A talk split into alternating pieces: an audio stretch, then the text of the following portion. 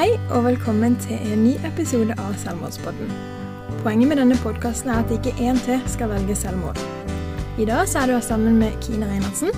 og Anne Giljebrekke. Vårt hovedfokus er unge menn som er usynlig deprimerte. Dvs. Si at ingen vet om at de sliter med slike tanker, og de klarer heller ikke å snakke med noen om det. Vi vil fokusere på historier i denne podkasten, og du kommer til å møte mange forskjellige mennesker som har tanker rundt dette temaet. I dag så er vi ganske spente fordi vi sitter i vårt nye studio. Første podkasten som skal spilles inn her. Så nå har vi rigga oss med en god kopp kaffe hver. Og så har vi egentlig gleda oss litt til dagens episode. Og i dag så skal vi snakke om en artikkel som vi har funnet på NRK med Bent Høie, som sier at regjeringa innfører nullvisjon for selvmord. Ja, det er ganske spennende.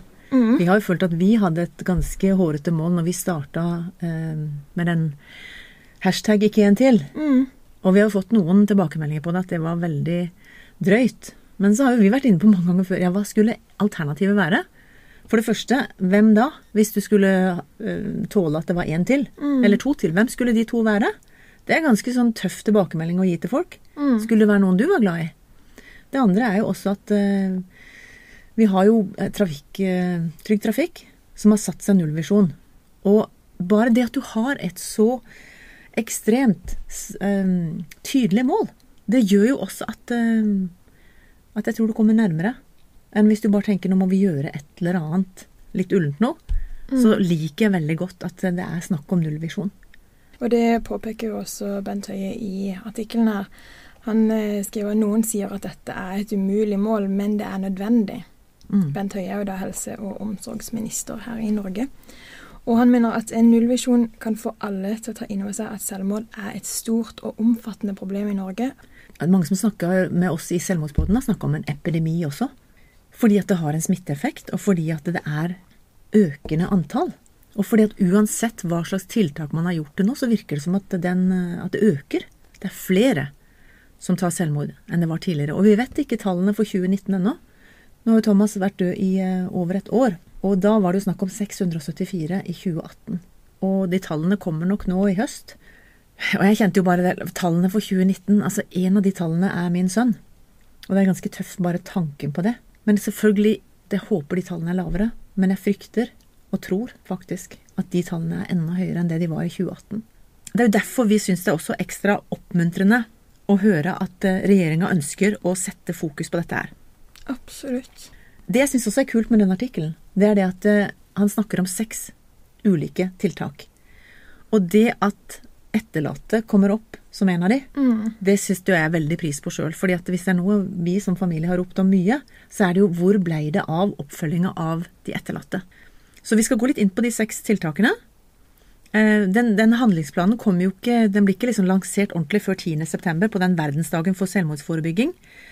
Og så står det også fram til da er det åpent for innspill til andre tiltak. Det syns jeg er litt spennende. Ja, det var noe nytt. Så her og nå så kan jo vi gi en liten shout-out på at vi går gjerne med å prate med noen. Nå har jeg i hvert fall vært og snakka med ledelsen på sykehuset, vært med i mange forskjellige fora som driver med selvmordsforebygging, for å fortelle min story og litt som hva vi tenker om selvmordsforebygging framover. Så direkte til Bent Høie her, vi kommer gjerne og stiller opp i et møte med deg, og kommer med inn, eh, våre tanker på dette, for dette er noe som vi lever med hver eneste dag. Hvis noen som hører på oss har noen gode innspill, eller kjenner til noen som kanskje kunne hatt det, så er det nå er tida for å si fra. Mm. Nå skal det en endring til, og de ser etter innspill. Mm. Det er bare snakk om tre uker til. Og jeg liker det at det står fram til da er det åpent for innspill til andre tiltak. Så vi har en god del tanker. Vi har vært inne og snakka om i forhold til recovery, i forhold til erfaringskonsulenter. Jeg har snakka ganske høyt om dette med at hvorfor finnes det ikke én person som blir tildelt, er det det? Ja. Som blir tildelt en rolle til, til å følge opp en familie. Og da mener jeg ikke terapi i første omgang, da mener jeg praktisk hjelp i den første tida etter et selvmord. Fordi folk bor i forskjellige kommuner, og dessverre så er det sånn at etterlatte eh, er i en høyere risikogruppe. Spesielt i den første tida etter at de mister den de er glad i. Så det å få det opp på banen, hvor er det én person, og ikke bare sånn at det blir litt tilfeldig hvem og hvilket fylke eller kommune som følger opp. Og det sa jo han eh, selvmordsspesialisten, han som forska, Fredrik Vestby Og Valby. Valby. Beklager. Han sa at eh, det er veldig vilkårlig hva slags oppfølging de etterlatte får. Fordi at selvmord er ganske sjeldent i kommunene. Og man har noen som følger opp veldig bra, andre som er litt usikre på hvordan de skal følge opp best. Så at det kan komme inn i den planen, det skulle vi virkelig ønske. Og målet med denne handlingsplanen er jo at selvmordsforebygging skal prioriteres mer, og at det er noe å strekke seg etter, og at det legger press på å få gjennomført disse tiltakene. Og det er jo det vi trenger. Og så er det jo også, sier Høie, en klar beskjed om at vi ikke har noen å miste. At vi må øke innsatsen og forebygge bedre. Hvert eneste selvmord er en tragedie. Og det kan jeg jo skrive under på. Du har jo også fått dette nært inn på livet, Kine, med selvmordet til Thomas. Og begge vi kjenner jo andre som har eh, begått selvmord. Og det at innsatsen skal øke, ikke bare på at det skal settes ned flere komiteer, unnskyld at jeg sier det, altså, men vi er jo her for å stille spørsmål og for å Dette er noe jeg ikke skjønner, at det er en, en ny komité som skal gjøre ditt, og en ny komité. Derfor så tenker jeg at det, det at det skal være praktisk, det syns jeg er veldig, veldig bra. Altså Man må forebygge, og man, man skal strekke seg og legge press på å få gjennomført tiltakene. Min erfaring som gründer er også at begynn med små pilotprosjekter som du kan gjennomføre. Som du får der ute. Ja vel, om ikke alt sammen er 100% så lærer du mens du går. Ikke vent til en helt ny sånn her plan for et eller annet er eh, satt opp, sånn at du har, planlagt alt på kontorpulten, og så setter du det i gang. Den aller beste plassen Kina og meg gikk jo på HCC. Hillsborough Community College. Vi lærte i hvert fall kjempemasse om dette med entreprenørskap. Og hvis det var én ting vi gjorde mye av, Kine, hva var det? Hvis du har en god idé, hva gjør du da? Da må du ut og spørre folk. Hvor mange? 100. 100 stykker. Minimum. Og vi kjente jo ikke 100 mennesker. Så vi tok jo tak i bussjåfører og Uber-kjørere og alle som var rundt oss, og alle elevene. For at vi hadde så mange gode ideer i dette skoleåret som vi hadde entreprenørskap. Vi sto jo framme der og presenterte hver eneste uke.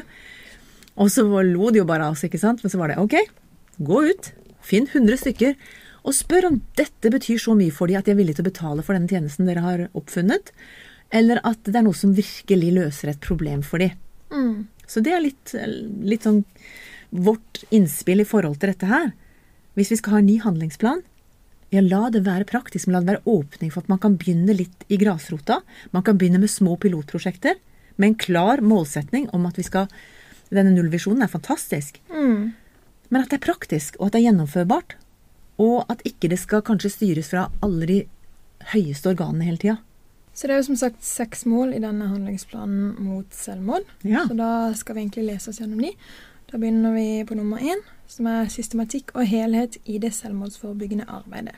Altså de vil ha mer helhet og systematikk i selvmordsforebygging i Norge.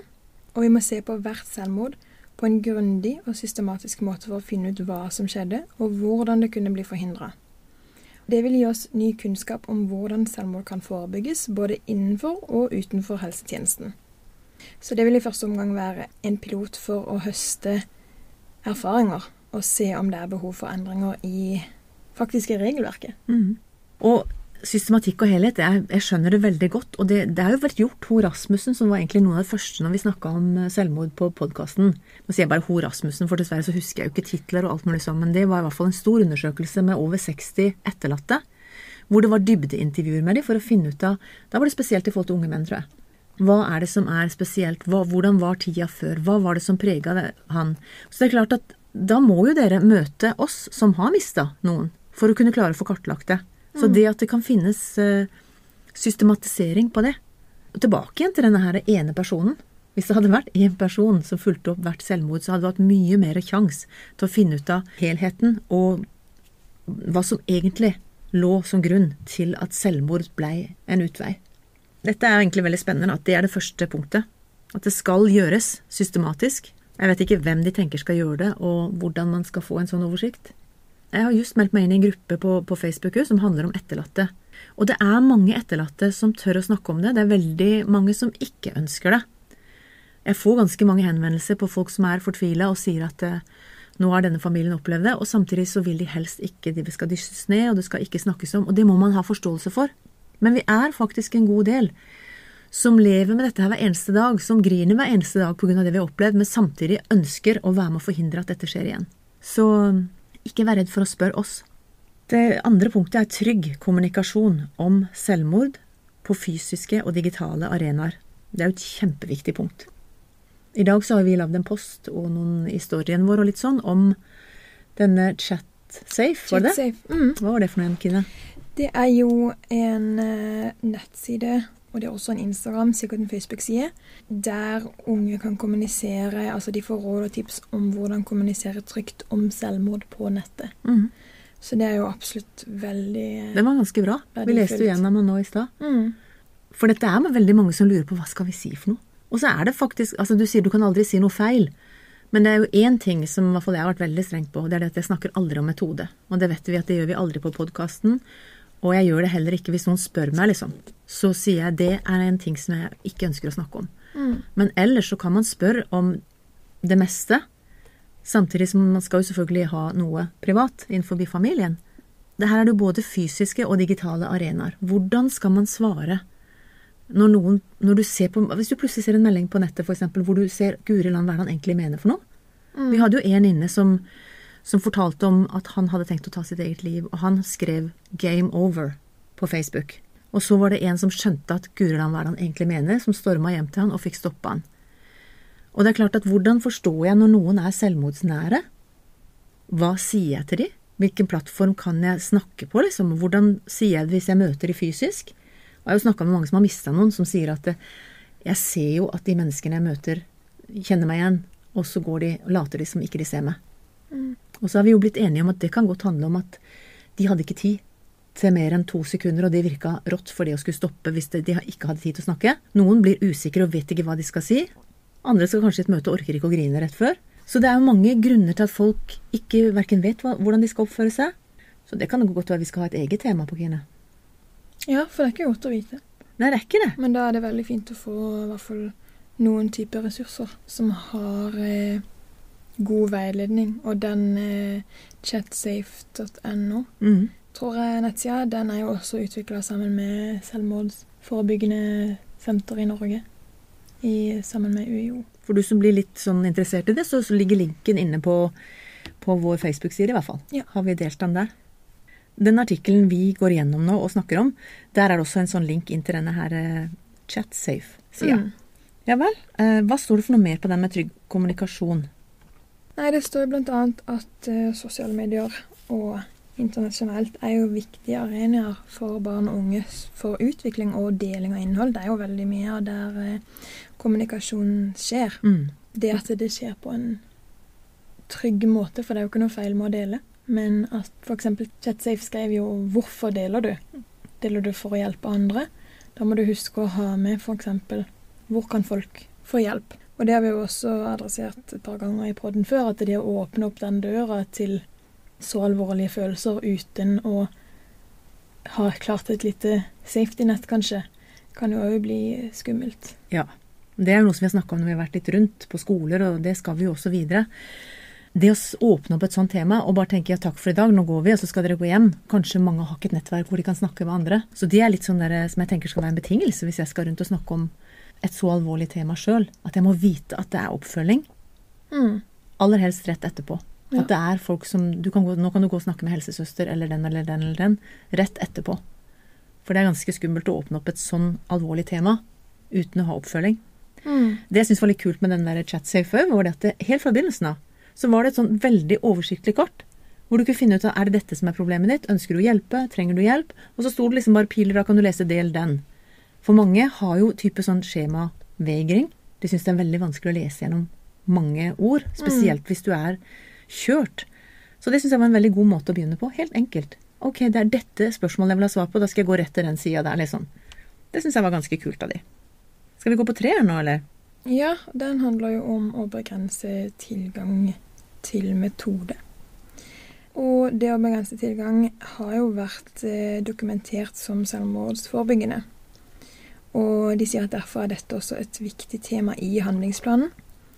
Og det handler om å forsøke å gjøre metodene mindre tilgjengelig. Mm. Så har de nevnt et par ting der som vi ikke skal gjengi i podden. Men det har jo vært vist fra andre prosjekter da, at uh, altså utbygging av sikkerhetsting rundt metoder Mm. har hatt effekt. Punkt fire, eller mål fire. Alle disse punktene er jo mål. God hjelp og gode behandlingsforløp for mennesker i selvmordsrisiko. Det er god dokumentasjon for at behandling av psykiske lidelser, spesielt depresjon, og det å sikre gode behandlingsforløp i helsetjenesten forebygger selvmord. Det står det strek under. Er det du som har satt strek, eller? Ja, det er meg. Ja, Kine, ja. Okay. ja, men eh, da er det ekstra viktig at behandling og sikre gode behandlingsforløp, det forebygger. Så derfor så er liksom behandlinga Det er jo ikke noe som vi har vært veldig mye inne på. Psykiatrien, på en måte, når du først er innlagt og sånne ting. Men dette går jo både på før og etter, forsto jeg. Mm. Fra første kontakt til Ja. behandling. Før og etter man har fått en depresjon, da, i tilfelle. Så behandlinga er jo spesialisthelsetjenesten, og kanskje for, for denne episoden så skal ikke vi gå så dypt inn på det akkurat nå. Bortsett fra at vi har snakka en del både om recovery, om um, erfaringskonsulenter, om likemenn. Og vi ønsker virkelig at dette skal være med å utvikles mer. Og jeg håper at jeg også kan få lov til å være med og, og jobbe med dette her framover. Den eh, episoden kan dere glede dere til, som det kommer enda mer om recovery, om type utdannelse, og om en annen måte å tenke på, hvor det er muligheter som er i sentrum. Og hvor du kan ha en diagnose, men livet er mye mer enn bare den diagnosen. Mm. Så i hvert fall punkt fem, Kine. Yes. Den er vi jo ganske glade for. Det er umiddelbar og langvarig oppfølging av etterlatte etter selvmord. Mm. Hvert år blir mange i Norge etterlatte etter selvmord. Familie og venner står igjen med sorg, fortvilelse og mange ubesvarte spørsmål. Og barn er jo spesielt eh, sårbare. Og tilbakemelding fra etterlatte er at i dag er det ganske tilfeldig hvilken hjelp man får. Det var litt som du nevnte tidligere. Mm. Kommer veldig an på kommunen og hvilke ressurser som er tilgjengelig. Så de vil da styrke tjenestens arbeid med ivaretakelse og oppfølging av de etterlatte, og det er jo kjempeviktig. Mm. For igjen så går det på at eh, det kan godt være at det fins masse tilbud, og det er jo det jeg har liksom Jeg vet ikke hvor mange ganger når vi har leita, Kine. Vi går jo på en måte og jakter med lys og lykt Mm. for å finne hva slags tilbud fins det. Og så er det Hæ, fins dette? Jeg vet ikke hvor mange ganger jeg har sagt det. Dette har jeg aldri hørt om før. Så det er klart, når du er midt i en krise, og du har en opplevelse at ikke du har hud på kroppen, og du får 15 forskjellige telefonnummer eller navn, så hjelper ikke det så veldig mye der og da. Nei. Så det er jo én ting at det skal finnes tilbud. En annen ting er at noen må fortelle, og ikke minst kanskje hjelpe til med helt konkret i begynnelsen. Her har du navnet til Kari Hansen. Hun jobber der og der, hun er veldig flink, jeg kan anbefale henne. Eh, Jeg har telefonnummer, er det greit at jeg ringer og, en, eh, av, avtaler en time med dere? Det er det ene, at det er konkrete ting, og at noen hjelper til med den praktiske tingen. For du trenger noen utenom familien å snakke med. Om det er en prest, om det er en psykolog, om det er en lege som er veldig, veldig god, eller om det er erfaringskonsulenter, likemenn. Bare det er noen som du kan gå til. Det er i hvert fall vår erfaring at det er det viktigste at du finner den ene personen som du har tillit til. Mm. Det andre jeg tenkte på i forhold til um- umiddelbar og langvarig oppfølging av etterlatte, er hvem er etterlatte? Idet vi trykka post på Thomas sin eh, Facebook-side, og posta innlegget om at Thomas hadde, hadde begått selvmord, og skrev en varm hilsen til alle vennene hans, så gikk det jo bare noen få øyeblikk, så var det jo 500 stykker nesten på hans gruppe. Mm. Og det, er ennå, og det er enda mange flere. Det er mange barn, det er nær familie, det er andre som ikke er på den gruppa, som er berørt av at én gutt begikk selvmord. Mm. Så hvem er etterlatte? Og Det er derfor jeg tenker at igjen, kan man få én sentral person rundt der, så kan også de tipse om at vet du hva, jeg vet at den venninna sliter veldig etter at han begikk selvmord. Det barnet må følges opp. Altså som, som tar imot. For at vi går jo videre da til nettverket videre rundt ikke sant? Og, og skjønner at det er mange som er berørt. De kan kanskje ikke betegne seg som etterlatte sånn direkte, men det gjør noe med de. Og det viser jo alle meldingene vi har fått. På folk som sliter, eller folk som takker oss for hvem Thomas har vært, og litt sånn, og at vi er så tydelige. Det er viktig å tenke på etterlatte i et litt videre begrep også. Ja. Det er veldig mange som er berørt av et selvmord. Og det er kjempeviktig, og tusen takk for at dere setter dette på agendaen. Mål seks bedre forekomsttall. Styrket forskning, kunnskap og kompetanse om selvmordsforebygging. Det er veldig usikkerhet i forhold til de tallene på selvmord, og det skjønner vi jo. Jeg skjønte jo ikke i begynnelsen hvorfor skal det ta over et år før dere kan si hvor mange som har dødd i selvmord. Men det er jo klart at det er så uklart. Var dette en ulykke? Det er kjempevanskelig å vite. Mm. Og da skal vi jo ikke igjen snakke om metoder, så derfor så er det liksom Det er bare veldig mange forskjellige måter som eh, mennesker har avslutta livet sitt på. Og det kan ha vært en ulykke, og det kan ha vært eh, noe man hadde bestemt seg for. Så det forstår vi at det må de forske på. Akkurat her vet jeg ikke om vi har så mye å tilføre. De sier jo egentlig bare at de vil at tallene skal bli sikrere. Og I etterkant så er det mange som har litt sånn tilbakemeldinger på den handlingsplanen. Annet generalsekretær i Rådet for psykisk helse mener at handlingsplanen er god, men han har noen mangler. At han er ikke konkret nok. Og så er det Ja, det var Tove Gundersen, ja, i den. Som syns at han er litt urealistisk i forhold til nullvisjonen. Mm. Vi har jo sagt det vi trenger å si om det. Et mål på 80% reduksjon. Unnskyld at jeg sier det, altså, men for oss som har mista noen i selvmord, så blir det litt for dumt å tenke at ja, 80% da er vi fornøyd. Det er jo akkurat som man sier til barna sine med ting, at nei, nå er det helt stopp på det greiene der. Så blir det kanskje ikke helt stopp på det, men du, du, du setter ned en Du setter ned foten og sier at dette skal Mm. vi få bukt med. Jeg tenker at det er helt innafor å si at det skal være nullvisjon. Gundersen har jo flere forslag også i den samme artikkelen. Blant annet at det skal være et eh, bedre sikkerhetsnett for mennesker med psykiske lidelser. Det er jo mange som har hatt kontakt med helsevesenet. Så jeg vet jo ikke helt hvordan, hvordan lovverket er der i forhold til Altså Hvis noen går til en, en psykolog, så jo ikke, har du ikke noe meldeplikt til de som er rundt, til å si ifra at nå er denne personen i fare. Og dette med å legge inn eh, på tvang, liksom når noen bare sier at de har tanker om det. Det er jo en vanskelig et vanskelig område, da, akkurat de greiene her.